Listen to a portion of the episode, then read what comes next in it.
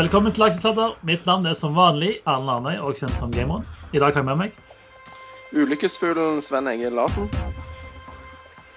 Eh, Jallo-trederen Erlend Henriksen. I dag oppkoblet fra bilen på Vestby, på stasjonen på Vestby. Og reideren Lars Brandeggen. Velkommen, gutter. Eh, gøy å høre de fantastiske stemmene deres igjen. Eh, Lars, før vi sier noe dumt, kan du ta disclaimeren? Kan jeg. Vi gir ingen råd. Dersom du hører på hva vi sier her om markedet, aksjer, enkeltaksjer og livet for øvrig, er ansvaret helt og holdent ditt eget. Feil kan forekomme i programmet. Panelet og panelets gjester kan være lang, kort, direkte eller indirekte eksponert i aksjer, selskaper og produkter som omtales i programmet. Veldig bra. Det er hyggelig at du faktisk har funnet fram denne gangen, fordi normalt så er jo det, litt vanskelig. Sven, eh, det er jo fredag den 13., den store ulykkesdagen, og du har jo vært litt uheldig i dag. Ja, jeg hadde skikkelig uflaks. Um, det er så typisk på fredag 13., liksom.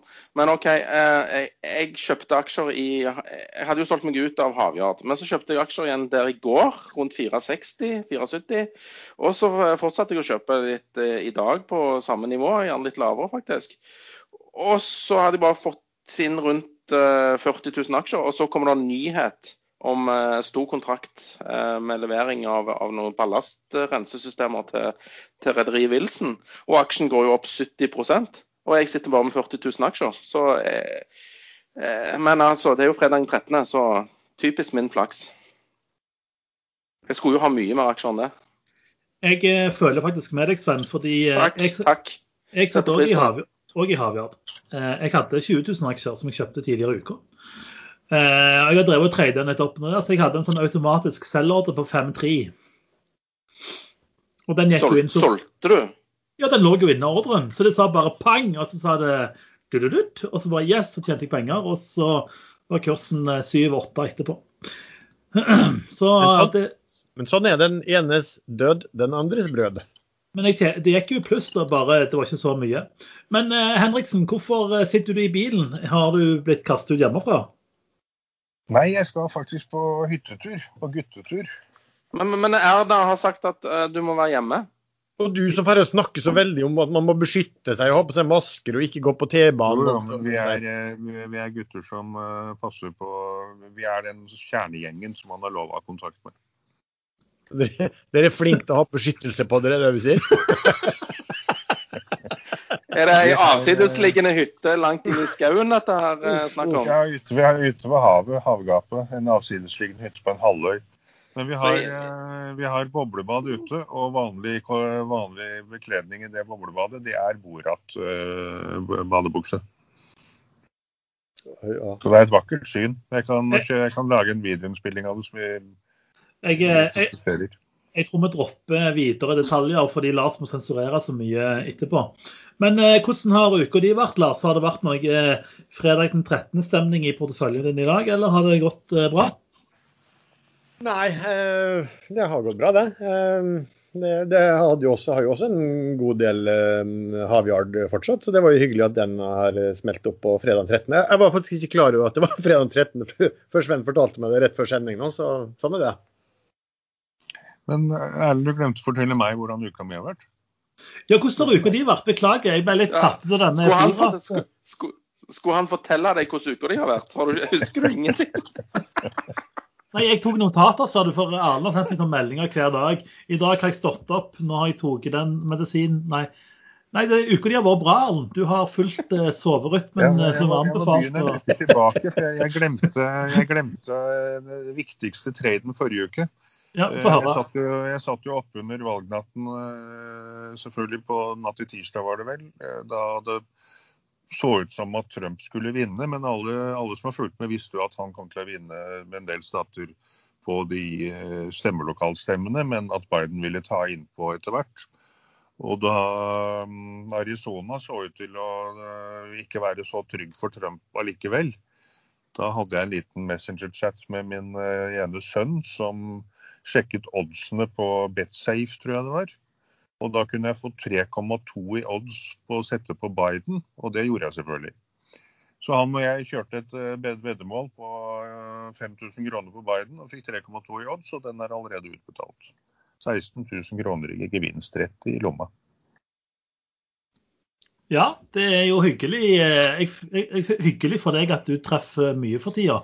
Men eh, har du gjort noe på børsen, eller er det bare på veddeløpsbanen du har eh, spilt? Der går det jo enda bedre, da. Det, vi har jo, jeg kan bare ta det veldig kjapt. Resoff er restrukturert. Starta på 180 første dagen, gikk ned til under 3 kroner allerede første eller andre dagen, og er nå på vei opp igjen. Så den har eh, foreløpig gått bra. Og der hodler jeg, som man sier på kryptospråket. Eh, hold on for dead life. Så Det er bare å sitte på den, så skal den sikkert Nå tror, du han skal, tror du han skal til 180 igjen? Nei, 180 tror jeg skal holde litt hardt. Men, men det er ferdig utvannet. Eh, så er det 75 millioner aksjer. Kan komme 10 millioner aksjer til hvis hvis noen som har noe Warrens løser enn disse her. De er maks, da er vi på 5-8 millioner. Men nå er det 75 millioner aksjer. Uh, er inkludert i det. De kommer på tirsdag, er det vel. Det er våre 1,3 millioner aksjer. Og de er jo i dag har det omsatt 2,4 millioner aksjer. 3,4 millioner aksjer, så de forsvinner rett ut. Uh, ganger man da 75 millioner aksjer med 5 kroner, som kursen er på nå, så har man 375 millioner kroner i market cap på gamle SAF. Eh, det, de har nå en tredjedel mindre gjeld enn de hadde. De har mye bedre betingelser på gjelden. De har i rekonstruksjonen kvitret seg med 30 gamle båter. Da er de 90 båter igjen. Så det er en opsjon på at det kan fort bli verdt veldig veldig mye mer enn 375 millioner kroner. Men hvor mye, hvor mye gjeld har de? 22 milliarder har de igjen etter at de hadde 32. Og av det så er det selv litt over 6 milliarder kroner er på Nibor pluss 2,75, hvis jeg ikke husker feil.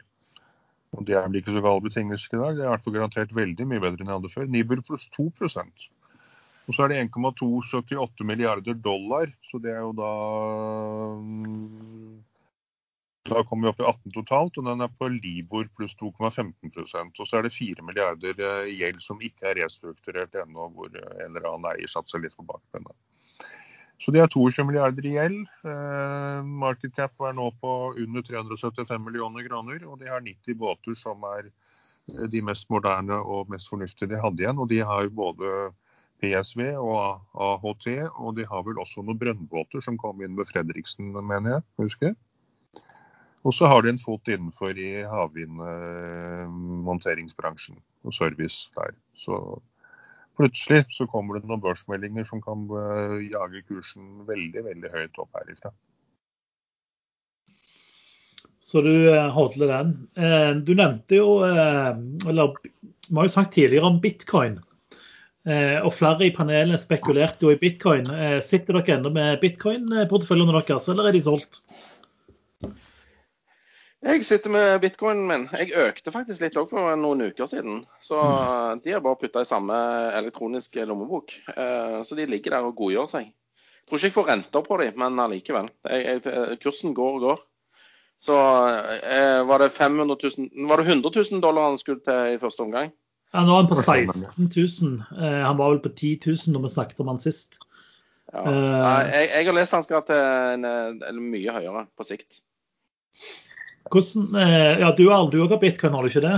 Nei, jeg har ikke bitcoin. Det er noe som heter litecoin, som egentlig er litt tullete å ha nå. For når bitcoin stikker, så stikker den mye mer. Men alle de andre følger etter, og de pleier gjerne å hente inn i en forsprang og kanskje enda mer etter at bitcoin har avsluttet drømmet sitt. Så jeg somla litt her. Planen var å kjøpe, kjøpe bitcoin før den stakk. Men det, det er selvfølgelig ikke for sent ennå hvis den skal til 100 000 dollar.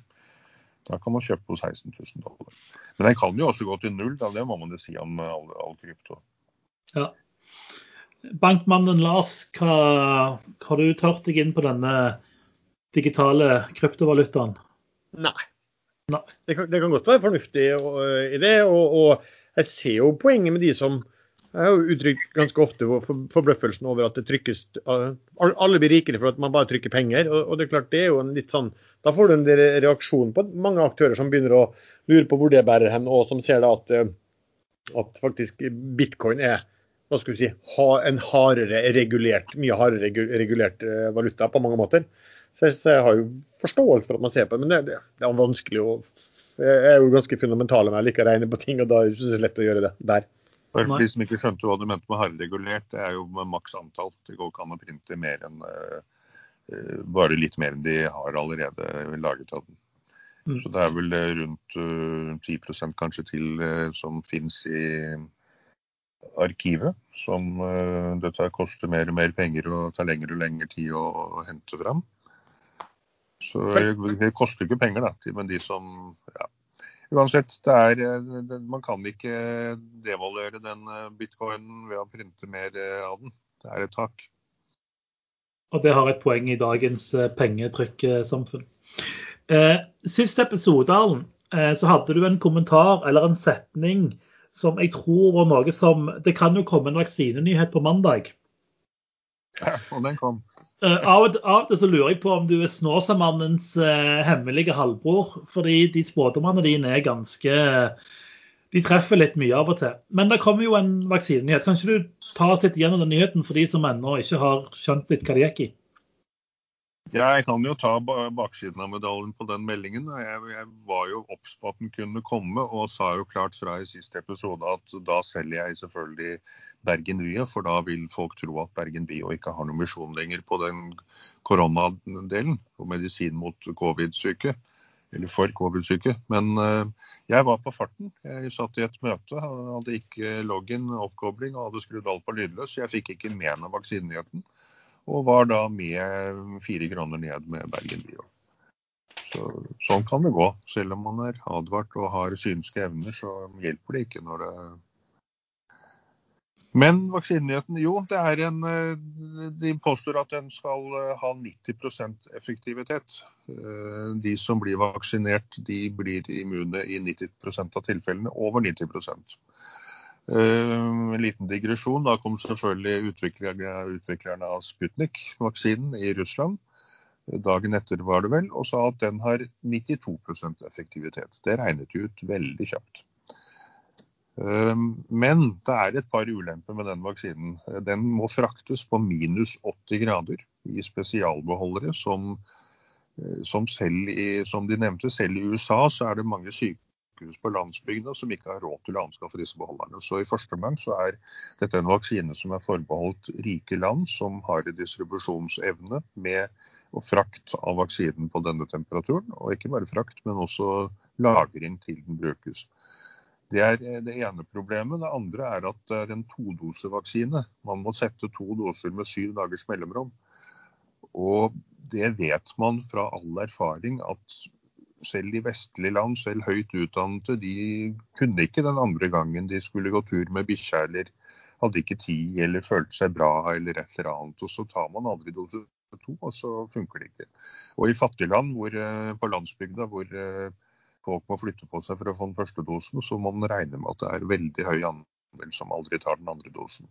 Så dette vil hjelpe, det vil bedre situasjonen. øh, Men det tar langt ut i 2021 før øh, distribusjonen har kommet langt nok. Og det vil gjelde selv om det kommer flere vaksiner på markedet.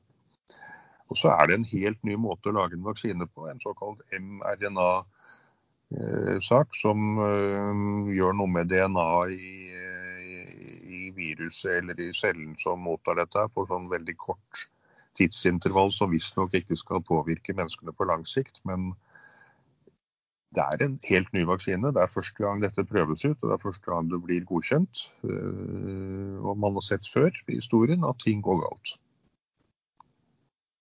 Jeg er litt skeptisk. Så du kommer ikke til å stå i kø for å ta den? Ja, man har et samfunnsansvar òg, så det er litt vanskelig å svare på. Øh, Ja. Jeg kommer ikke til å løpe først i køen, i hvert fall. Men Jeg hører, jeg hører også leger si dette rundt øh, ganske høyt profilerte leger på universiteter og sykehus som, som sier at de skal være veldig, veldig nær døden før de løper og står først i køen. Men hvordan er tilgjengeligheten? Altså, tid kan denne vaksinen komme? Hva antall kan den komme? og sånne ting? Nei, de, øh, Fitz, Fitzer har jo sagt de skal produsere 50 millioner doser allerede i år. Eh, Men med en verdensbefolkning på 8 milliarder, så er ikke det sånn veldig mye. Og så skal de produsere en milliard er det vel i 2021. Det kan de sikkert øke. Så Ja, nei, det, det, kommer til å avhjelpe, men de første som får vaksinen, burde jo være helsepersonell og de som er i risikogruppen, de, de over 80 år. Og så står jo dere ungfoler står jo langt bak i køen. Jeg står litt for lenge foran i køen. Men dette bringer oss jo ganske elegant over til, til neste tema, som er vaksinetrades, som vi snakket om sist gang. Altså det, da snakket vi om muligheten for å trade enkeltaksjer når det kom vaksinenews. Denne uka fikk vi fasiten. Eh, det kommer vaksinenews som teoretisk er ganske gode. Eh, har dere fått gjort noen vaksinetrades denne uka i, i, i ly av denne nyheten, eller eh, har ting gått annerledes enn det man trodde? Nei, vet du hva. Eh, akkurat når den Pfizer-meldingen kom over skjermene, så, så, var ikke jeg foran PC-en. men kun minutter etterpå så fikk jeg heve meg rundt og kjøpt en del oljerelaterte aksjer. Eh, og da hadde jo f.eks. sånn så Scandic Hotels i Sverige var jo opp eh, sånn 15-16 bare bang smack. Så det var litt vanskelig å løpe etter. Så jeg, jeg måtte finne liksom, de tingene som ikke hadde gått noe særlig. Men eh, du fikk verdens raskeste sektorrotasjon inn i, inn i syklisk eh, og verdi og ut av eh, ut av eh, vekst, fordi at eh, nå så de et eh, lys i enden av en, en veldig lang tunnel. så det var faktisk veldig morsomt da, de, de timene og dagene etterpå. Fordi at det var veldig volatilt. Og for en trader så er jo det veldig kjekt. Deg da, Lars, har du fått tatt noen vaksinetrades du, eller hvordan har det gått? Ja, altså, For det første så var vi jo veldig heldige sikkert for, for lytterne at vi fikk eh, snakket om vaksinetrace, og de kunne høre på dem eh, gjennom helgen. Der vi egentlig fortalte, oppsummerte litt hva, hva, ja, vi, hva vi, trodde, men også hva, hva liksom generelt sett i markedet var sagt om hva skulle man eie hvis vaksine kom, og så kommer den på mandag. Så mange satt jo selvfølgelig klar da, og så eh, gikk jo da børsen voldsomt jeg var også litt sånn som Sven, man, man, driver jo med andre ting også, så for min del så tok det noen timer. Jeg kom tilbake og så, var bare en graf som bare pekte rett opp på børsen og lurte på hva i H hadde skjedd. Og Da ble det også litt sånn at um, og Du snakket om det i, i, på, da, på fredag at det satt mye cash, men måtte begynne å gjøre, gjøre noen ting sånn litt over uken hvis, ikke, hvis, hvis, alt var rolig i forhold til USA fortsatt. Uh, så det kom kanskje litt tidlig, men jeg rakk jo å begynne å hive meg inn på det litt. sånn så Sven jeg måtte løpe etter litt innenfor uh, litt finans og, og, litt olje og litt sånn spekulativt i, i rigg og sånn også. Eh, men, men, det er jo liksom Det kom jo så bang fort at det, det spratt jo rett opp ganske mange harde prosent. Men, men, det var muligheter fortsatt hvis du, hvis du var villig til å man måtte løpe etter kursene, da, som fortsatte å løpe oppover en stund til. Og så er det jo akkurat det man sa, at det var verdens raskeste. Vi har jo snakka om det, og vi har hatt masse spørsmål om det. liksom når at, at vekst har outperforma verdi gjennom mange mange år egentlig nå. Når kommer verdi tilbake? Jo, det kom tilbake akkurat da. og det, Som Sven sa, så var det verdens raskeste sektorforskyving, på en måte. Eh, men nå de siste dagene så har vel det begynt å eh, endre seg litt tilbake igjen til eh, at vekstselskapene har vel begynt å tatt igjen litt. Ja, altså, jeg, jeg, altså, jeg synes, altså nå, nå, følger jeg i hovedsak meg på gaming. Det er jo der jeg på en måte har investert mye. Eh, og svensk gaming, eller egentlig gaming generelt, ble jo totalbomba eh, når denne vaksinenyheten kom. Eh, Sa du svensk, svensk gaming? Svensk gaming. svensk gaming er vel nytt segment seinere. Eh, og, og det, det, var litt sånn sjokkerende, fordi eh, dette er jo solide selskaper som på en måte leverer masse vekst og, og, og masse penger. Eh, men eh, alle de store svenske gamingselskapene har jo gått ned så sinnssykt denne uka. Men det har jo gitt en veldig god eh, mulighet for å kjøpe for de som har hatt baller til det og tørt. Så jeg har jo på en måte fulgt på litt. Men porteføljen har ja, Dette vel den blodigste uka jeg har hatt på lenge. Så det, det, var ganske interessant egentlig. For jeg hadde ikke forventa at altså, En ting er disse spekulative aksjene som vi har snakka mye om, men liksom, de svenske gamingaksjene er i stor grad ganske solide. Men de fikk en skikkelig tredagers nedtur når, når denne nyheten kom. Så det har vært nokså interessant. Men, Men er, er, det, er, det, en reelt at uh, hvis markedet åpner opp, åpnes opp igjen, at det vil bli så mye mindre gaming? Er ikke det litt kommet for å bli ofte? Sånn Jo, og, og, du kan si at hvis man, hvis man, ser litt lenger på det, så ser man i USA Zoom har blitt bomba. Eh, Pexip har vel fått en liten nedtur i Norge. Kahoot har fått en nedtur. Og de aksjene er det på en måte greit nok, fordi de, de de tjener ekstra på at folk sitter hjemme. Men på en måte gaming, folk spiller alltid uansett. Ja, folk spiller sikkert mer når de ikke kan på en måte gå ut på byen eller, eller gjøre ting. Men hvis man på en måte, de som har fulgt da Paradox og Embracer, som jeg har snakka mye om i flere år, det er jo på en måte en vekst her som har gått i mange år, og som har bare blitt forsterka i på en måte denne koronaperioden.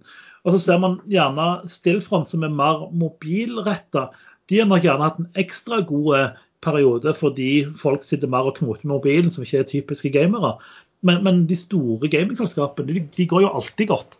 Så, så, at de falt så mye, det var ganske overraskende. Men det var jo på en måte tidenes eh, kjøpsmulighet. Altså en Bracer var jo oppe i 200 kroner, eller 200 svenske kroner på mandag. Og jeg tror han toucha 161 eller 159 eller noe sånt denne uka. Og nå er han oppe på 172 igjen i dag, for han har steget 6,5 i dag.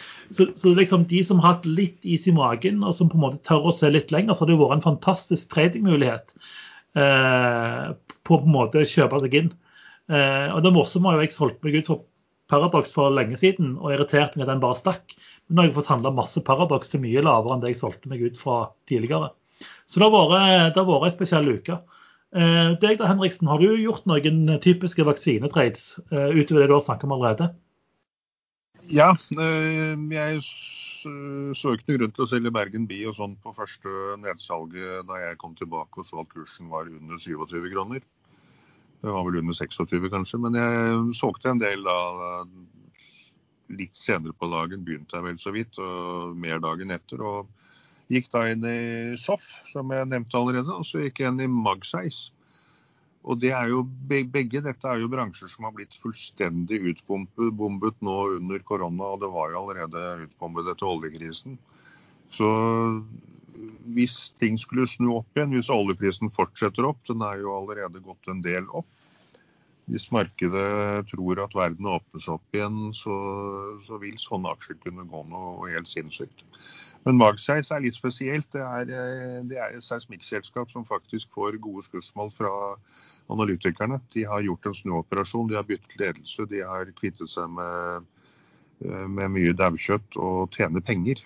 Eh, og har noen nodeteknikk som visstnok ligger høyt framme. Så så jo, er, den tror jeg kan ha et stort potensial, og den holder jeg også videre. Så får vi se. Til mandag. Kursmålet ble doblet nå sist DNB gikk ut og doblet. Eller Sparebank1 var det. Til mandag, ja. ja med, med lang, lang.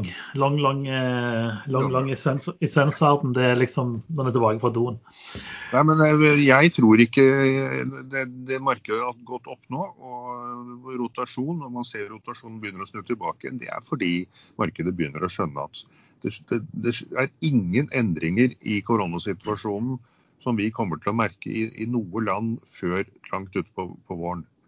Eh, så den opphopningen, eh, ekstreme økningen i USA og Europa vi ser nå, det er ingen, ingen av den eh, hva du kaller Pfizer eller de andre vaksinene som kommer til å komme, de vil ikke hjelpe på det i det hele tatt. Vi skal gjennom en iskald vinter, kommer til å bli ordentlig brutal. Og det vil ikke være mulig å snu smitteøkningen uten ordentlig lockdown. Egentlig burde hele Europa gjort det samtidig nå i åtte uker framover, stengt alt. Det har vi selvfølgelig ikke råd til, og derfor blir det ikke gjort. Men da hadde vi klart det. Det blir spart masse liv, og øh, sannsynligvis også økonomien. Men likevel så har du tro på å sitte i øh, long-long til til mandag i oljeservice? Ja, det er fordi så lenge markedet tror at dette er sånn, øh, nå er alt bra igjen, så, så er det bare å sitte. Men når markedet innser realiteten her, så så er jeg ute. Jeg blir ikke sittende i noe som Men eh, akkurat SOF, som er så utbombet og er ferdig rekonstruert, de kan kanskje være sterkere enn de andre. Og Det er jo en måte å tenke på. Da jeg begynte å trede krypto, så brød jeg meg egentlig aldri om hva kursen var. Eh, jeg byttet i par. Jeg byttet fra bitcoin til Ethereum og fra Ethereum til Lightcoin og tilbake til bitcoin når den ene var sterkere eller svakere enn den andre. Så mitt mål var bare egentlig å få flest mulig coins. Jeg bryr meg ikke noe om hva du har vært, og det kan man gjøre med aksjer òg. Hvis du vil ha veldig mye aksjer, så er det bare å kjøpe Norwegian eller noe sånt. For der kommer det sikkert enda mer aksjer. Hvis det er det som er, det er, det som er målet, liksom. Eh, altså, Når du når du er ute på byen, når du er ute på byen da, om en eh, åtte måneder og koronaen har lagt seg, liksom, og forteller om at du har en milliard aksjer i SAS, da, da ble damene imponerte. Ikke sånn. Jo, men en milliard aksjer i SAS kan jo ha vært noe om uh... Nei, eh, det var feil. NAS, mente jeg. Ja. Dagens episode er som vanlig sponset av IG.com. IG.com er en stor internasjonal nettmegler som er notert på børsen i London og har kontorer flere plasser i Europa. Selv om du er en erfaren trader eller ny innen trading, så passer IG for deg. Som vi har nevnt i, i innslagene tidligere, så kan du handle alt fra aksjer, valuta, indeks til råvarer, kryptovalutaer og mye, mye mer. Gå heller ikke glipp av deres raske og smidige plattform, som tilbyr programmer i realtime, tradingsignaler og nyhetsfeed. Så om du vil handle med en av verdens ledende tradingmeglere som besitter global ekspertise med lokal kunnskap, så kan du åpne en konto med via lenken i beskrivelsen til denne episoden. En annen ting, eh, Lars, som du har irritert deg over, ikke bare NAS, men eh, fake ESG. Eh, nå skal det jo sies at vi er Norges grønneste podkast, fordi vi sitter hjemme og, og, og lager podkast over internett. Du, Eller, eller langs en landevei. eller langs mot landevei. På, vei til hytta. Jeg ødela ASG-stempelet vårt der. Jeg beklager det. Mens du, Sven, du ble jo spurt om å være med i en podkast hvor du måtte fly til en annen by, men du sa jo selvsagt nei pga. det grønne stempelet. Eh, men Lars, eh, fake ESG. Nå er jeg spent. Ja, nei, det var, det var jo bra du sa dette med at vi var liksom en ESG-podkast, for det er vi jo i høyeste grad. Nei, altså, det var litt. Det her er blitt ganske patetisk, og dette er meglerhusene som sper ut eh, analyser. Det er avisene som skriver om det, det nye ESG-selskapet der og der. Og hvis du da ser, begynner å se på rapportene, kvartalsrapportene fra selskapene, årsrapportene og alt det der, så er det liksom ESG opp og ned. Og det er litt sånn Slik sparer vi papir. Derfor er vi ESG-selskap, ikke sant? Det er liksom, vi, vi reiser litt mindre, da er vi ESG-selskap. Eh, OK, vi har fått en kontrakt, sånn, vi har fått kontrakt på å servere melk til et fornybart selskap. Der er vi også ESG-selskap. Altså, alt kalles. Hvis du leverer en vanlig IT-tjeneste som du leverer til hvem som helst andre, men tilfeldigvis er det til et fornybart selskap, vindkraft eller hva, så er plutselig du ESG på det også. Så jeg syns liksom det der at man lager altså man, man prøver å gjøre seg om til å være ESG og uansett hva du holder på med, og om du leverer noen ting til et selskap som faktisk er ESG. Hvis du, en, hvis du får en ordre fra de, og den ordren ikke har noen ting med ESG å gjøre, så er du ikke ESG-selskap. Så jeg syns liksom man må slutte å se på det derre eh, ja, litt For min del så blir det litt tullete og, og, og litt useriøst både av selskapene som fremhever at de ESG, og, og meglerhusene som prøver å selge det inn som det. og og kanskje avisen også som tar opp en del selskap liksom der, de, der de trekker fram at de er fordi at de kanskje har en liten del som ESG, eller en leveranse til noen som ESG, så er de plutselig sånn headline også på, på ESG. Så jeg syns vi skal dra ned den definisjonen til, til faktisk, hva som faktisk er ESG. Og det er egentlig én vi snakker om, da. E. Når, vi nevner ESG, jeg kom over en, eh, en, eh, interessant ting om et selskap man pratet om tidligere, nemlig Nicola. Eller Nicola, eh, som jeg ikke visste. Og det er jo at eh, store deler av aksjene som eies av ledelse og ansatte, er under lockup. Eh, faktisk hele 13 av selskapet er under lockup. Og så lenge kursen er over 12 dollar, så kan de begynne å selge de aksjene 1.12. Så hvis du sitter på Nicola-aksjer, så kan det være greit å følge med mot 1.12. Eh, det er flere faser disse aksjene låses opp på, men eh, fra 1.12. til en gang ut i januar så kommer det basically 14% av selskapet kan omsettes. Så det kan jo bli eh, Rent, rent, rent sånn praktisk, hvordan låser du opp en aksje? eh, Jo, nå skal du høre, Sven. Eh, du vet denne bankbrikka di som du har? Som du, Bankbrikker? Jeg har ikke bankbrikka. du har mobil, du? Ja. OK. Si at du har en mobil da, som de låser ned i en kasse, og så 1.12. så låser de opp mobilen til deg. Sånn cirka, tror jeg. Nei, jeg vet ikke. Men de er iallfall lov å trade 1.12. Jeg tror ikke bare lockup er at de, de har bare påtatt seg å ikke selge. Og ofte er det de der, ofte På ære og sånn samvittighet. Du har ikke Ja. lov å selge før sånn. ikke sant? Og ofte, hvis du har sett på en del av de lockup-tallene, så er det ofte at de, har- eh, det er en slags inngått altså at de, de kan av og til løses opp hvis meglerhuset som er tilrettelegger, tillater det, f.eks. Så vi har jo sett eksempler på at plutselig så har det eh, lockupen ikke gjeldt likevel, fordi at meglerhuset har sagt at det her er helt greit. Eh, det er så fornuftig at de får selge seg ned nå fordi at markedet vil at dette skal være mer likvid. Altså et eller annet bullshit som det. Så, så, eh, ja, så det, det, er mye på, sånn, det er på ære og samvittighet. Og jeg vet ikke om du som aksjonær har lov til å Jeg tror ikke det at du kan løpe etter dem hvis de gjør noen ting. Jeg tror det er at så lenge i hvert fall hvis de får lov av meglerhuset som som, som, som, de har gitt oppdraget til sjøl, så er det greit.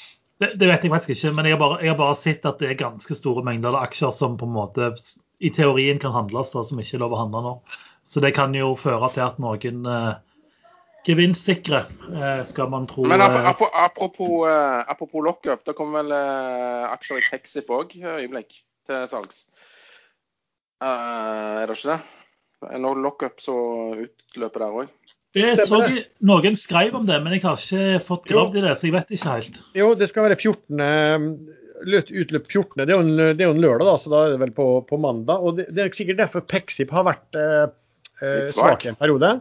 Eh, og det er nok sikkert fordi at folk har vært litt engstelige for det her. Og jeg tror kanskje at folk også fort folk i selskapet som ikke har, har, eh, har eh, lockup, kanskje har frontrønna at de har vært redd for at det skulle komme et eller annet. Så blir det jo sånn at i det selskapet har veldig mange tjent veldig my mye penger, veldig mye som jobber der også.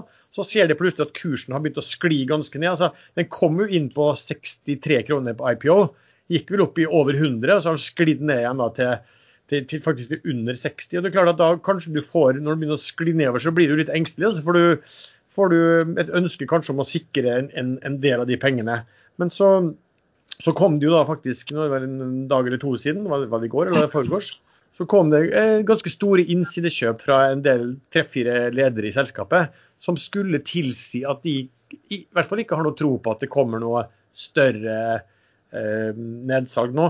Så jeg ser i dag er den faktisk opp 10-11 og det, det, det, tipper jeg fort er at folk tenker at hm, på disse nivåene så blir det neppe noe nedsalg, og det, og det er derfor disse lederne um, kjøpte. Men det er på mandag det som kommer?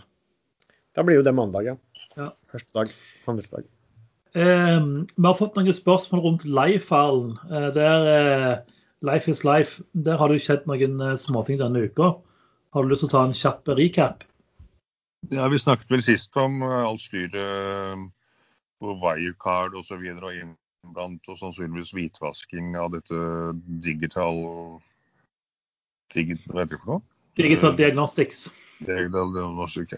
Så det selskapet, det tror jeg nok er eh, kjeks. Det kan man bare glemme helt fullstendig. Om den sensoren noensinne har vært utviklet, eh, det, kan man jo nesten stille spørsmålstegn ved. Den kom i hvert fall ikke i juni, i, produsert i milliontall, som de sa. Den har ikke kommet ennå. og den, eh, det selskapet vil nok uh, bli spist opp av tysk Økokrim og kreditorer, tenker jeg.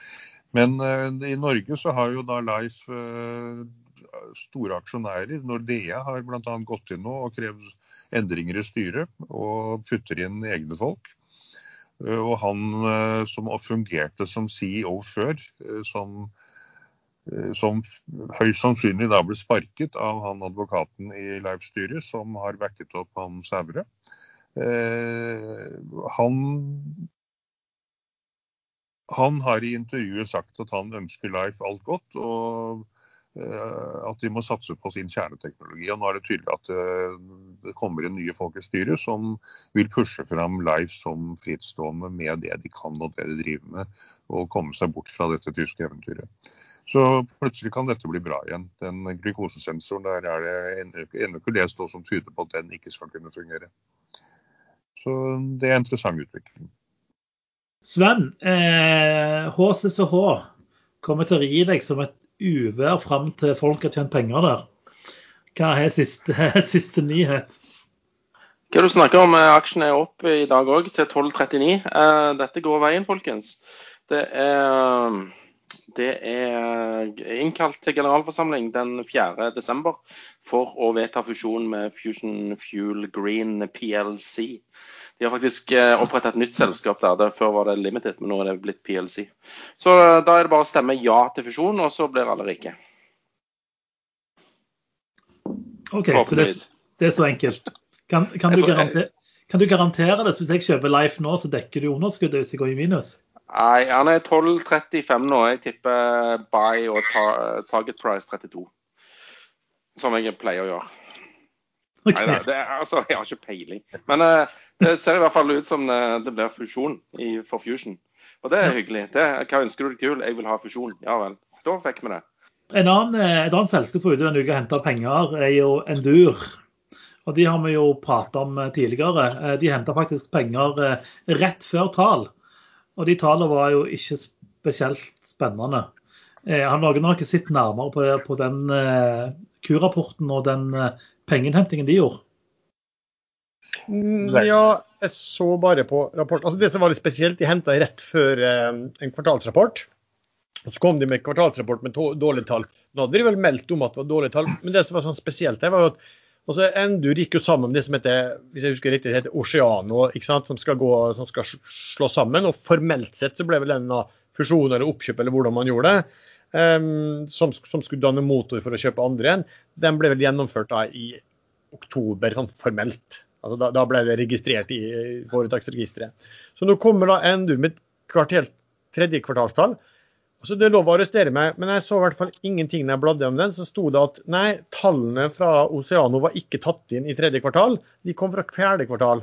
Og hvis du har gått sammen med en annen, annen ganske stort, sånn noenlunde samme størrelse på selskap, så vil man alltid lure på hvor Men hvilken tall har dette Oceano levert i tredje kvartal? Man skulle jo forvente at det ville stå i kvartalsrapporten. Jeg fant ikke kvartalsrapporten, jeg tror ikke det sto der.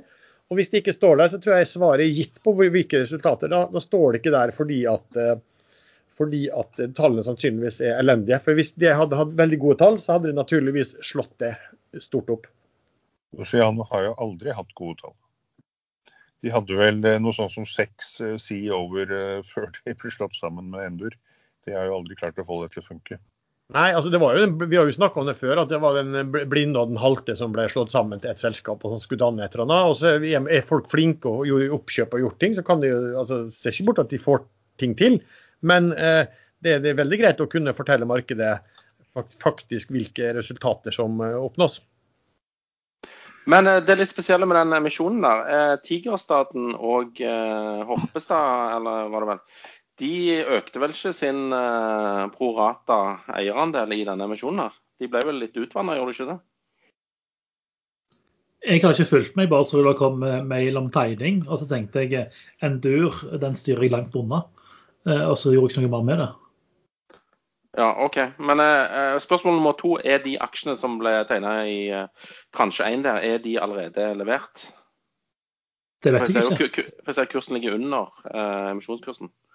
Jeg bare lurte på om de allerede var levert, eller om de kommer på tirsdag. Det, det var en kollega som mente de kom på tirsdag, så jeg er litt usikker. Ja, jeg har ikke sett på disse. Nei, jeg har ikke heller, eh, heller sett på det, egentlig. Jeg bare jeg så den kom, og så tenkte jeg det gidder jeg ikke å delta i. Og så gikk jeg videre med livet. En annen, eh, et annet selskap som leverte tall denne uka, eh, Komplett Bank. Jeg vet ikke om dere har sett noe på den, de tallene? Du som er bankmannen vår, Lars? Nei, ikke sett på helt tatt. Nei, fordi jeg, eh, jeg, har jo egentlig styrt, styrt, vekk fra forbruksbanker fordi jeg tenkte at ja, de er på en måte det, det, som er tatt ut, kan tas ut der. Og så det er jo snakk om kjipere reguleringer og sånne ting på spesielt på inkassosida, som på en måte har vært der man kan, kan dumpe alle de råtne låna. Men eh, Komplett Bank sine tall var ganske spennende. Den eh, handles vel til 7, et eller annet kroner. Eh, book value skal være 11 kroner aksjen, sier en, eh, en, bekjent som er god å regne på dette. Eh, de skal kunne betale ut eh, en tredjedel av, av pengene, eller MCAP-en i utbytte, uten å bryte kjernekapitalkravet. Og de er vesentlig billigere priser enn eh, Norwegian Bank, som vel gjerne bør falle når Norwegian ryker, siden det er mye inntekter. Men, eh, ja, Men er, er, det, er, det, han vennen vår, vår felles venn på Sandnes, Ulf, er han oppe med Ulfhuset, er, som har regnet ut dette? Det er faktisk Ulfhuset som har regnet. Han er Sandnes lureste mann, altså. Så nei, jeg har, jeg har, egentlig ikke peiling på sektoren, men uh, han sa at den kan være good shit å kjøpe.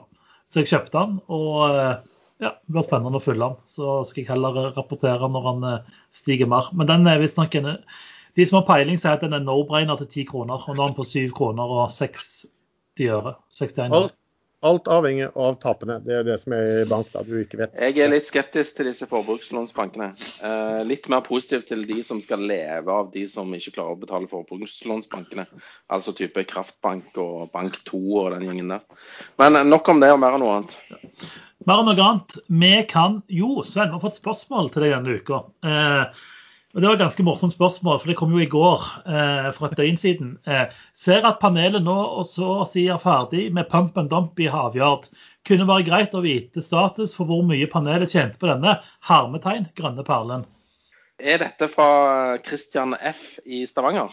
Eh, det er korrekt. Ja, OK. Eh, hei, Christian. Det er veldig kjekt at du har fått øynene opp for uh, miljøaksjen Havyard Group. Uh, du kaller den for en uh, perle. Jeg vil jo si at det er mer en smaragd.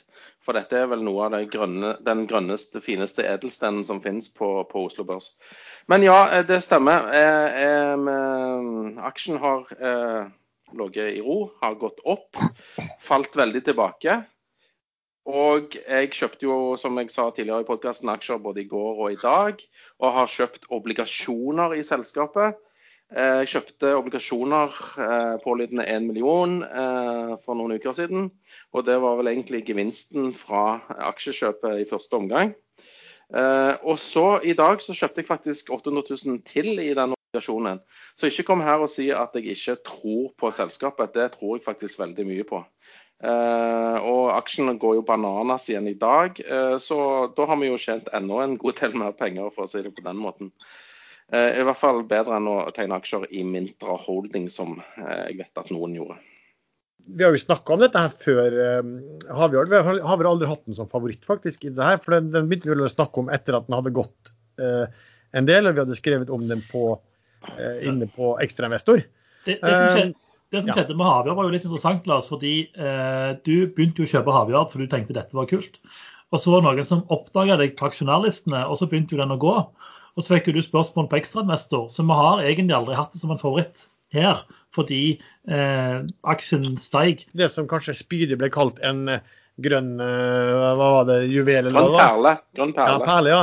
Nå er kursen altså opp over 80% og Årsaken til det er for at de har meldt en stor kontrakt med på rensing av ballastvann til en flåte, en skipsflåte som tilhører Wilson, og som da har ca. Jeg har vel 90 egeneide eh, båter.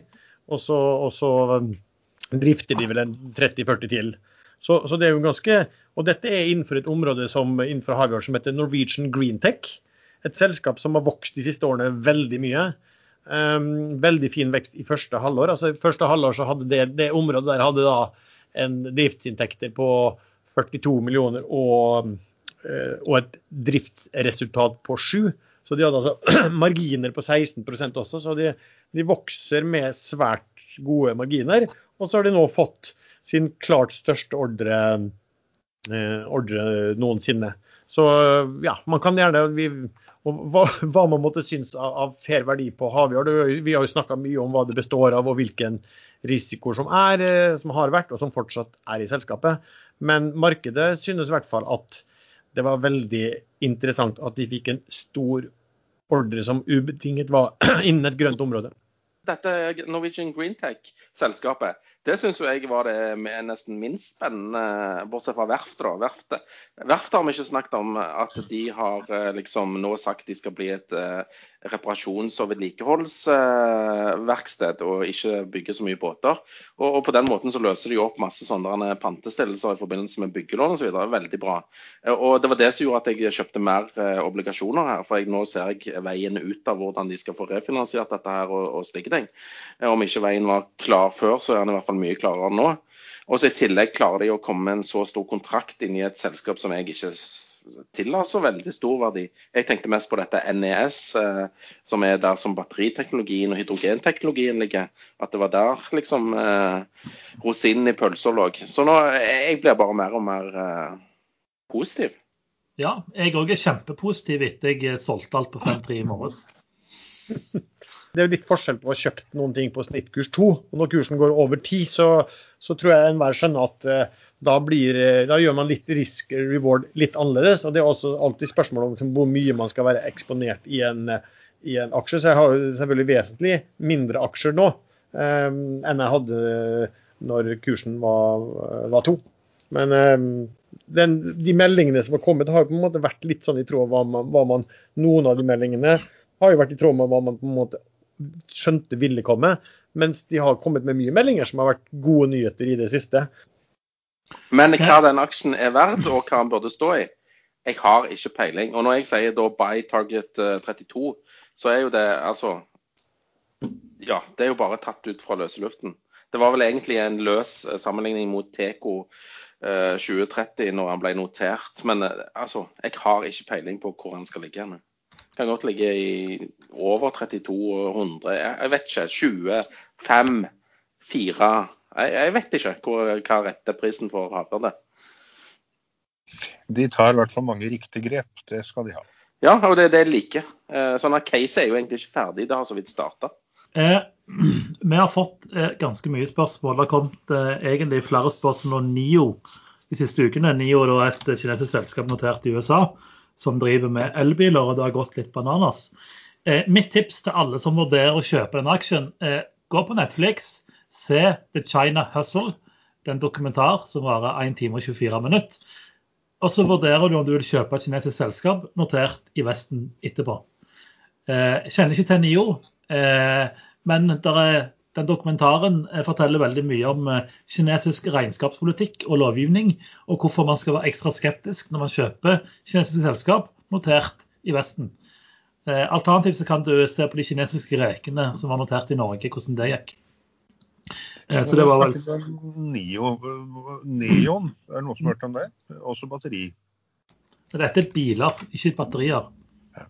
Men jeg, vil bare ta en, jeg har jo alltid sagt at Tesla er mer enn bil. Eh, og nå har Neon, som jeg ikke helt er klar over hva er, eh, stor batteriteknikk eh, rundt batteri muligens, fått et oppdrag om å bygge et gigantbatteri i Australia. Et av verdens største. Og der har jo Tesla før levert et 100 megawatt størrelse batteri. Nå skal de bygge et på 300 megawatt og Tesla skal levere batteripakkene. Eh, stack racking-teknologien. Så Tesla er på vei til, sammen med andre partnere rundt omkring i verden, å bli stor på batterier. Og det de skal bruke batteriene til, er jo som mellomlagring av eh, vind og eventuell solcellekraft, sånn at man har eh, jevn strømtilgang også når vinden ikke blåser og når sola ikke skinner. Verden endrer seg, og det går fort. Eh, Sven, du nevnte så vidt eh, Mintra Holding òg. Eller Mintra, ikke Mintra Holding. Milta, Mintra. Det var noen nyheter der som du skulle prate om? Jeg skulle ikke prate om Mintra.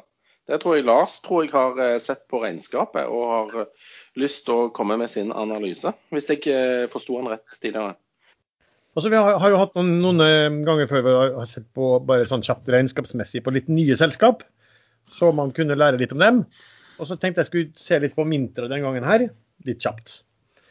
Eh, det er 186 millioner aksjer i selskapet. Og en kurs på rundt 6 kroner, så prises de til 1,1 milliarder.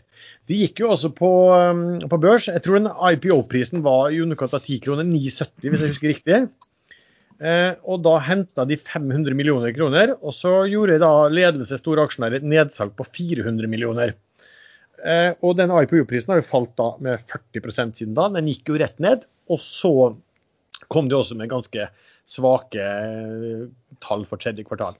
Så er spørsmålet, hva er Mintra? Mintra er også 40% av omsetningen til Mintra. Det består av e-læringskurs, altså online læringskurs. Um, og Der er det både egne kurs og andres kurs som man kan uh, tilgjengeliggjøre seg via en plattform. Så har de også 40% fra Human Capital Management Software, altså HR-software, og 20% fra consulting. Hovedsakelig kundegruppen deres er fra olje- og gassaktører, maritim, construction og renewables. Så litt på tallene for Q3. Altså de, de hadde da eh, in, I forhold til Q3 2019 så hadde de faktisk inntektsfall. Eh, men de hadde plutselig altså, mye mer marginer. Årsaken til det var at de hadde kvittet seg med, med, med noen, eh, et lite område som ikke ga noe særlig eh, marginer. Uh, og hvis, begynner, hvis, du regner om da, sånn på, en, på, på, det jeg regner på en slags korrigert EBIT, som jeg, der jeg ikke bryr meg med med nedskrivninger, så av den inntekten på ja, knappe 50 millioner kroner i tredje kvartal, så hadde de vel et driftsresultat reelt da på en rundt 8. Hvis hvis du regner om til hvordan de ligger an på eh, hittil i år, så er de sånn ca. på 43 eh, millioner kroner i EBIT. Altså det, det jeg bare så sånn kjapt på her, var at eh, de, de, hadde, de, faktisk altså, Tenk på at de henta 500 millioner kroner og gjorde nedsalg på 400 millioner i et selskap som da hadde negativ egenkapital på 64 millioner kroner. Eh, nå tapte de jo Q3 også, så nå har de altså de har 405 millioner kroner i egenkapital. Så da priser de på en prisbok på 2,7, som ikke er så ille. Men 80% av hva skal si, bokførte verdier på en måte består jo av, eller i hvert fall av, hvis du kaller egenkapitalen, består av intangibles, goodwill og den biten der. Nettcash er ca. 100 millioner kroner. Mye av disse 500 de fikk inn, gikk jo da til å dekke opp og betale tilbake gjeld til banker. Så de har en enterprise value på 1 milliard. Hvis jeg, hvis jeg, regner litt på det og sier at OK, de kommer tilbake og gjør det bra i eh, fjerde kvartal, så har de kanskje reelt sett, da, hvis du bortser fra sånne goodwill-nedskrivninger, som, som, jeg ikke liker å ta med, så de, er de kanskje på en takt på 70 millioner da, i driftsresultat per år. Eh, det er ikke så ille. altså sånn. Da har du priset du til en 15 ganger eh, EBIT. I den bransjen der så er det egentlig ganske bra. Og de har jo store mål om årlig omsetningsvekst på 15 og økende marginer. Um, ja, konklusjon. Dårlig Q3. Hvis de kommer med vekst tilbake og, får, og, og marginer av hva, hva, de har klart liksom litt tidligere, så um, er dagens prising ikke så verst. Men å sitte og se på ett kvartal er litt vanskelig, og de har vært rammet også de også av av covid i de bransjene som de, eh, som de eh, går mot. Så ja. Det, det, jeg gir jo ikke noen anbefaling, det er mer enn bare en vurdering om hvor dagens tall er. Så får folk bare heller selv tenke om de tror at de kommer tilbake på, på vekstsporet, som de må for å tilfredsstille dagens pris. Det er by target 32? Eller? Nei, jeg har, ikke, jeg har ikke noen sånn anbefaling om det. Jeg tenkte det bare greit å gi en sånn liten innføring om hva, hva en type sånn nykommer er, og, og, hvordan de prises på det de leverer per nå. Og, og, da vet man jo folk selv også litt om ja, okay, hva innebærer det eh, at de må klare i framtiden for å tilfredsstille dette. da. Jeg, eh, vi, har fått mye, vi har fått veldig mye bra spørsmål denne uka, eh, så vi kan ikke svare på alt. For de som lurer på hvorfor vi bare plukker ut enkelte spørsmål, så er det fordi vi plukker ut de vi føler vi kan svare fornuftig på. Eh, for å på en måte holde kvaliteten litt, litt OK. Eh, det kommer et spørsmål om gig. Eh, det er ingen, altså Gaming Innovation Group. Det er ingen i panelet som er veldig gode på den. Men onsdag denne uka som var, hadde Pareto et iGaming-seminar. Så hvis du er kunde der, så kan du gå inn og hente ned presentasjonen. Den sier veldig mye om hva Gig planlegger de neste seks månedene. Og der får du alle svar du lurer på. Så det var bare en, et, et godt svar på den. Eh, vi har også fått et spørsmål om Philly Shipyard, som vi har snakket om tidligere. Er det en oppkjøpskandidat? Eh, hva skjer med Philly og de her kontraktene det har vært litt snakk om? Lars eller Sven, det er dere som kan den best? Vi venter på oppstart, byggestart på noen båter. Så begynner i februar, var det det? Og Oppkjøpskandidat, sikkert det, men uh, har ikke peiling. Nei, altså de, de, skal jo, de, skal jo, bygge nye typer båter, og det vet man med en stor risiko for verft. Og så er den ordremassen potensielt sett gigantisk. Så ja, jeg tror nok at Aker er interessert i å selge det verftet. Jeg tror også eh, Årsaken til at Arctic kom ut med en litt sånn berømmelig eh, halvanalyse med høye kursmål, var kanskje for å eventuelt prøve å få solgt en større post som, ikke, som tilhørte noe fond, og ikke ikke Aker, det er bare noe jeg mistenkte. Men eh, altså, man vil jo gjerne se at de faktisk klarer å bygge disse båtene på en uh, fornuftig måte og tjene bra på det. Hvis de klarer det, så er de en mye større uh, oppkjøpskandidat. Det er helt klart, og da, da blir kursen uh, helt annerledes. om eventuelt aktører som er interessert i de, kan ønske å gå inn allerede nå, før de har, eller før de har begynt bygging. Eh, det, det, det vet jeg ikke. Det kan jo være at de gjør det hvis de syns at prisen blir bra da. fordi at hvis de venter og ser at det går riktig bra, så blir jo prisen mye, sannsynligvis mye høyere. Men eh, det, det er bare altså, Alle kan spekulere like bra som meg og noen andre på det. Eh, meg og deg, Lars, vi hadde et lite veddemål på presidentvalget. Og det var jo hvem som vinner presidentvalget. Jeg vedda Trump, og du vedda Biden. Vi vedda 500 kroner, og taperen må donere penger til et veldedig formål. Siden jeg er en god taper, så er spørsmålet om du har funnet et veldedig formål som er verdt gevinsten. Ja, Først så vil jeg jo si at det var jo hyggelig at du, du har erklært meg som vinner. Man kunne jo tro at du ville følge Trump og si at dette var bare juks, og du ville ikke godta det. Nei, jeg kunne, jeg kunne, gjort det. Ja, veldedig formål. Nei, altså, Det første veldedige formålet som, som faller meg inn, er jo til eh, rødvin til svekkede podkastdeltakere fra Nesodden. Ja, eh, men, eh, men det, det, kanskje ligger litt utenfor? Det ligger litt utenfor. Sve, Sven, Sven, Svens Gaming òg eh, trenger penger. ja, det, men jeg, jeg, har hørt at Svens Trading har gjort det ganske bra. så jeg ja, men Sven, Svens Gaming har gjort det dårlig. Okay, så ja. vi, kan, vi kan ikke holde på med sånn konsernbidrag. Her må det fris, friske penger inn. Men du, eh, Erlend. Jeg vet ja. jo at uh, Kirkens Bymisjon de gjør veldig mye bra for uh, ensomme, ensomme, mennesker og de som trenger det rundt juletider. Så uh, veddemålet, pengene for det, det syns jeg kan gå til Kirkens Bymisjon. Ja, det er jo litt kult å si. For de har jo en kampanje som heter 'Gled en som gleder seg til jul'. De lager jo mat til byens eh, løse fugler, eh, dvs. Si de som ikke har så mange andre plasser å spise. Eh, så da vippser jeg 500 kroner til 24,90. Men du, Erlend, kan du, kan du, da, kan du legge ved en kommentar når du vippser? Eh, ja, det kan, kan jeg faktisk. Kan, kan, du, kan, du, si at det skal Altså, Erlend Henriksen skal ikke få noe av den maten? Du sa byens løse fugler, så han må jo inngå. Jeg kan skrive at Henriksen og det her med turfølgende på hytta ikke får spise Nei. julemiddag. Det, det, kan, det, kan, vi godt gjøre. Gjør Nei, men Jeg, jeg syns det, det, er et bra, det er et bra formål. Jeg syns vi som har, har, litt ekstra, skal tenke på de som ikke har så mye ekstra. Uh, uavhengig om Henriksen og co. går og går og spiser. Jeg, da, jeg gir faktisk bort uh, seks middager hver måned til, uh, til Frelsesarmeen, som har sånn matstasjoner. De er eh, veldig dyktige på akkurat det der.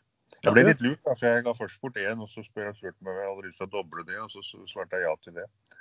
Eh, det var en sånn tekstmeldingreklame for et par-tre år siden, så jeg fortsatte med det. Husk, dere to andre, husk, Husker dere siste episode der Erlend for å snakke veldig om sitt miljøengasjement og den biten der, og vi tenkte at han hadde baktanker? Og, så, og nå snakker han om hvor mye han har gitt gjennom perioden til veldedighet og sånn. Eh, er det flere som ser at det her er en eller annen damevinkel, eller? Tenker du på Henriksen eller meg nå? Ja, Henriksen, ja. Jeg tenkte, jeg tenkte han eh, Det nærmer seg vel Vixen Awards her nå, sånn at han, jeg tenkte han skulle prøve å bli årets forbilde eller et eller annet sånt. Nei, Jeg, jeg, han hadde lyst til å være i samme rom som uh, hun der Sofie Elise har fiska til meg tidligere.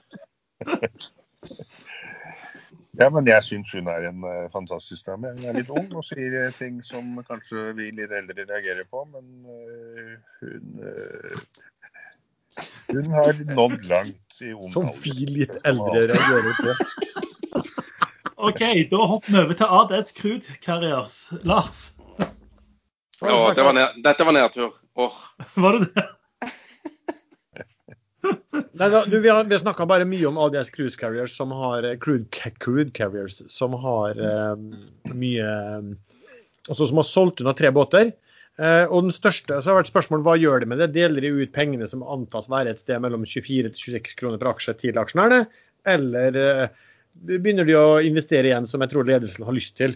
Og der var jo Største eier der er Ship Finance, og de hadde levert et tall i går. og da I tallene der, i rapporten, så sto det at uh, at de eh, forventet eh, skal vi se, hva, hva akkurat, Husker du hva det, akkurat hva du skrev Sven, på, i den rapporten? Det sto at, oversatt til norsk at nå har ADS solgt alle båtene sine. Vi forventer et likviditetsutbytte derfra. Vi har ca. 4 millioner aksjer. Det betyr at de får ca. 100 millioner kroner.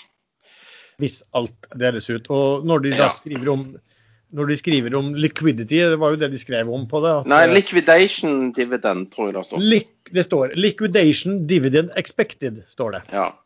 Og Det betyr, det betyr eh, hei, dere borte i Arendal Dampskipsselskap. Dere må nå eh, sende penger til Jon Fredriksen, ASAP. Ja. Og det burde være, i så fall er det sånn, så bør det være veldig bra for, eh, for alle aksjonærene. Kursen er jo opp i dag, da. eh, Etter Den den meldingen fra Ship Finance. Ja, den kom, gikk vel litt opp i går også, og, har tuslet oppover, så ja. Skal vi se. Eh, vi nærmer oss slutten. Eh, rekker vi å snakke om Tradegate? Eller tar det for jeg skal bare ta, ta, nei, jeg skal bare ta en korte på det. Ja. For um, Nell, vet du, den har jo vært preida på noe, eh, noe tysk eh, Det er jo ikke en børs, da, men et slags eh, distribusjonssystem for aksjer på andre børser, som heter Tradegate i Tyskland. Eh, og det har blitt handla der utover kvelder og, og, og lenger enn det har blitt gjort på Oslo Børs. Men slik det da virker, at kjøper du en aksje på Tradegate, så tar Tradegate og snur seg rundt og kjøper den samme aksjen på Oslo Børs. Så det, de er egentlig bare en slags eh, Holdt på å si en eh, hva det heter de der uh, IG og sånn for, for, uh, for disse aksjene. Men det som er det spesielle er at uh, f.eks. Magnora, Ocean Sun, TK2030 og Quantafuel òg er no, blitt notert på Tradegate. Uh, og eh, hvis de plutselig blir populære i Tyskland, så vil jo disse Clearstream-kontoene eh, dukke opp på, på aksjonærlistene. Eh, og jeg bare siktet på Magnora, og der var plutselig uh, uh, på uh, 32.-plass. Så det, det, det, bare følg med om Clearstream kommer inn i disse aksjene, for da kan det plutselig bli litt uh, etterspørsel etter aksjer. Det var bare det jeg ville, ville si. Clearstream er allerede inne i Quantafuel, mener jeg å ha sett når vi diskuterte dette Ja tidligere. Ja, ja Men, men vet du hva jeg ville gjort da, hvis jeg var en sånn, litt sånn større aksjonær og var litt, var litt slu?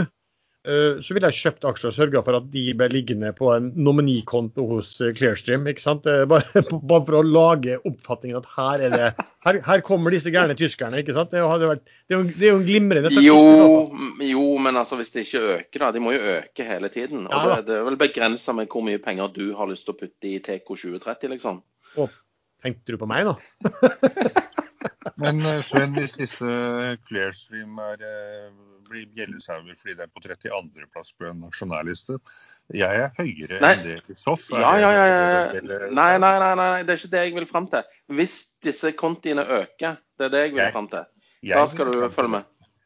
Man kan jo eh, eh, men Begynner du å nærme deg flaggegrensen, så må du huske på å flagge, ellers så blir, det, blir du bura inne. Ja, det, Men- da, da minner du meg på at det var da jeg, jeg tapte jo gru, grus, grusommelig, vet dere for noe? Grassat med penger på Soft da den var, eh, kom på børs. Da kjøpte jeg på 12 og måtte selge på 7. Og det var fordi du drev og styra med at jeg måtte flagge dette, her, så jeg fikk ikke fulgt med og al- alt var min feil som, og, alt var min feil som vanlig. Du tar ingen, eh, ja, ingen ansvar sjøl. Du må huske å sende refusjonskrav til Sven før 12.11.2020. da. Re regress etter det. Ja, refusjonskrav for tap. Men eh, ja, Ikke vær så skikkelig nå. Eh, I Kvanta er faktisk Clearstream på tredjeplass eh, over aksjonærer. Med Men 10,- øker de, eller reduserer de? Eh, på lista i dag så har de økt med 0,5% Men det er mer alarmerende at Ferd selger, syns jeg. Så da du- trumfer Ferd eh, Clearstream.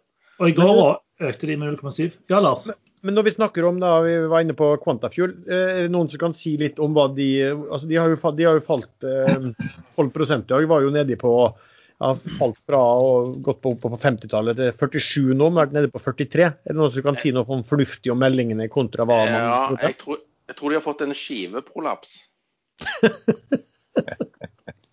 Nei, Kostnadsoverskridelser på fabrikken i, i Skive i Danmark. Det er vel det som er hovedutfordringen, å få dette opp og gå på normal, eh, normal måte. Så det, det har kosta litt mer enn eh, enn de trodde. trodde. var det snakk om at eh, den katalysatoren eller hva det er for noe, må muligens bygges om og litt satsing der. Men det er eh, høyst sannsynlig eh, er det forbigående problemer. Det er ikke noe store alvorlig, tror jeg, i Q-full. Det var jo sånn at når de startet opp, så skrev de vel at de skulle bruke litt tid på å få denne maskinen opp til å fungere optimalt eller akseptabelt. Eh, men liksom helt i starten så fortalte de at de hadde starta den ene linjen. og ja, ok, Akkurat det lille de gjorde der, fungerte bra. Det var vel der de gjorde emisjon og stort nedsalg og sånn. og og meglerhusene hadde jo slåsskamp om å komme med høyest kursmål. Så jeg sitter og lurer på om kanskje, kanskje meglerhusene har altså spilt inn at alt var, alt var, så bra og vel i forhold til hvordan fabrikken fungerte, før den faktisk viser seg å eh, være the proof of the pudding. Og når man da må melde at det er visse problemer som de jeg vet ikke, kanskje hadde på en måte meldt, om ikke kostnads, Kostnadsoverskridelsen hadde ikke meldt, men at, at det kanskje folk oppfatta at oi, her, her, var det faktisk en mye større risiko likevel. Eller større risiko. Altså, jeg, jeg, tror ikke selskapet egentlig har løyet, fordi selskapet starta opp den ene linja. Og så sa de jo på en måte at eh, nå har vi produsert, altså nå har vi trødd eh, plastikkavfall gjennom hele fabrikken, og vi har fått til et sluttprodukt som innenfor de eh, verdiene eh, kvalitetsmessig som BAFS ønsker. Eh, og så er liksom neste beskjed vi melder fra når fabrikken går full pupp. Så de som har fulgt aksjen, de har jo på en måte hele tida visst at det var en risiko med at det kan ta tid før fabrikken når full pupp, eller full produksjon. Eh, men jeg er jo enig i at det er noen som på en måte har hypa veldig mye de positive meldingene. Og så er det gjerne litt for få som har hatt fokus på man skal faktisk oppnå full produksjon over tid før man på en måte er i mål. Eh, men det viser jo at det kanskje er litt vanskeligere enn enn det man har gitt inntrykk for å få full produksjon på alt. Jeg vet ikke.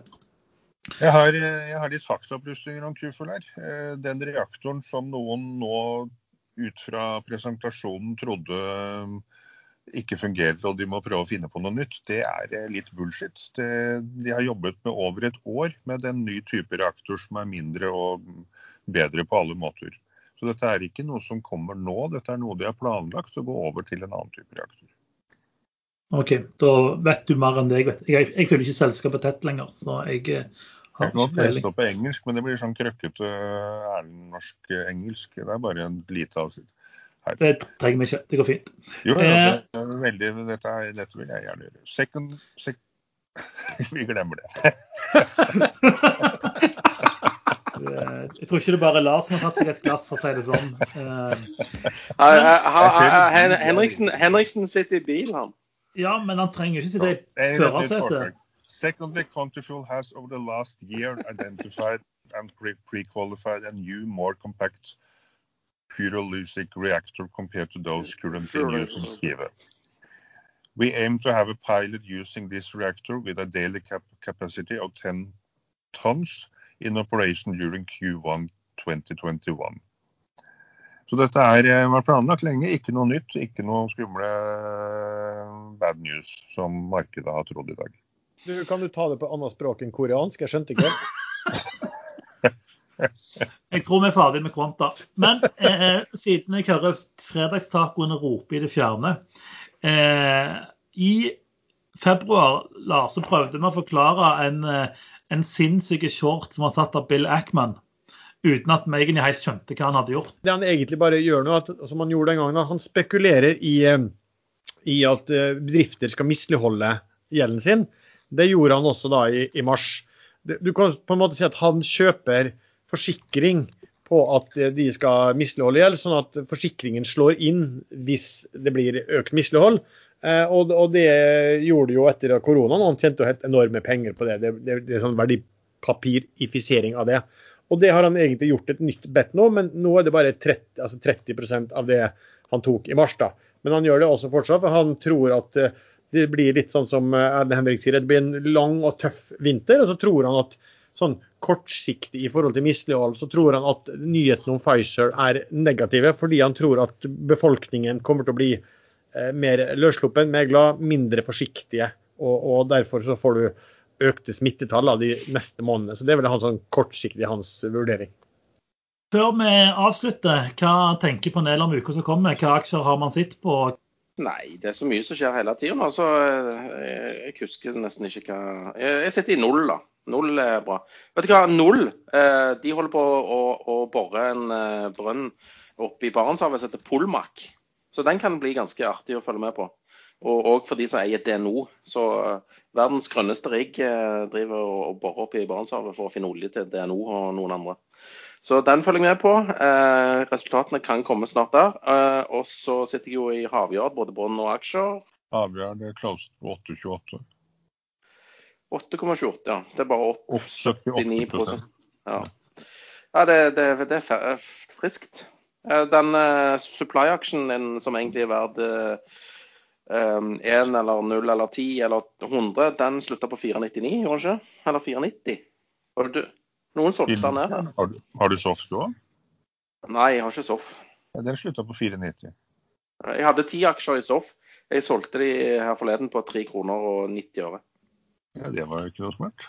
Nei, det var dumt. Ty tydeligvis ikke. Jeg kunne hatt en tier, uh, tier ekstra her. Lars, hva, hva ser du på til uka som kommer?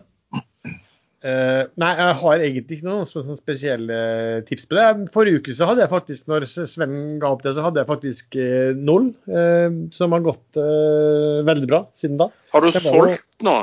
Nei, jeg har faktisk ikke solgt. det Å, nei. nei den, den steg jo ganske kraftig, steg ganske voldsomt, og så falt den en del tilbake igjen. Så jeg har ikke det heller. Jeg merker at du kommer sånn litt skarpe til med at når, til slutt så skal du, etter du har sittet og slitt så lenge med den, så skal du komme inn og, og bare nyte godt av oppgangen. Bare skumme fløten, liksom? Ja, og da ble jeg, så engstelig når du skrev det. Da turte jeg ikke selv. Jeg måtte bare sitte sammen en liten stund, i hvert fall. Jeg solgte en del på 6,30 faktisk, men de tok det tilbake på 5,80 i dag, da. Så ikke si det til noen. Nei, skal være forsiktig med det. Noe annet, Lars, som er spennende? Uh, nei, ikke noe sånt. Altså, jeg tror I uken så tror jeg de eh, ADS Crude Carriers styre skal ha en uh, prat. og da tror jeg de, De kanskje, kom med tall. De kom med tall òg.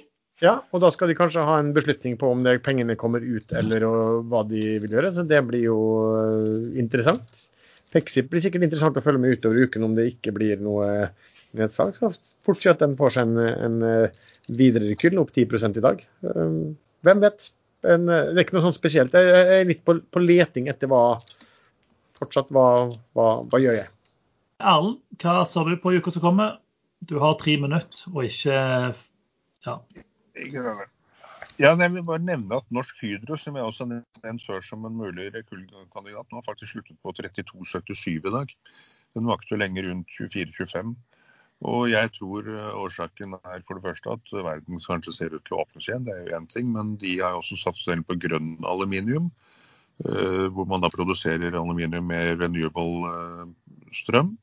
Og allerede fått en stor fot innenfor markedet der. Og så ser man at Trump forsvinner, og den ekstratollen til inn til USA på 300 og noen prosent, den kommer da til å forsvinne igjen. Eh, Men det har ikke så veldig mye å bety for Hydro, for det er ikke så mye de selger til USA, visstnok. Men den, hvis verden drar i gang tempoet igjen, så vil jo det brukes mye aluminium i alt man bruker det til, som biler og fly og ting og tang. Eh, Men jeg vil gjerne påpeke Koa, som jeg gikk ut av selv fordi jeg så for meg en eh, mørk, kald vinter.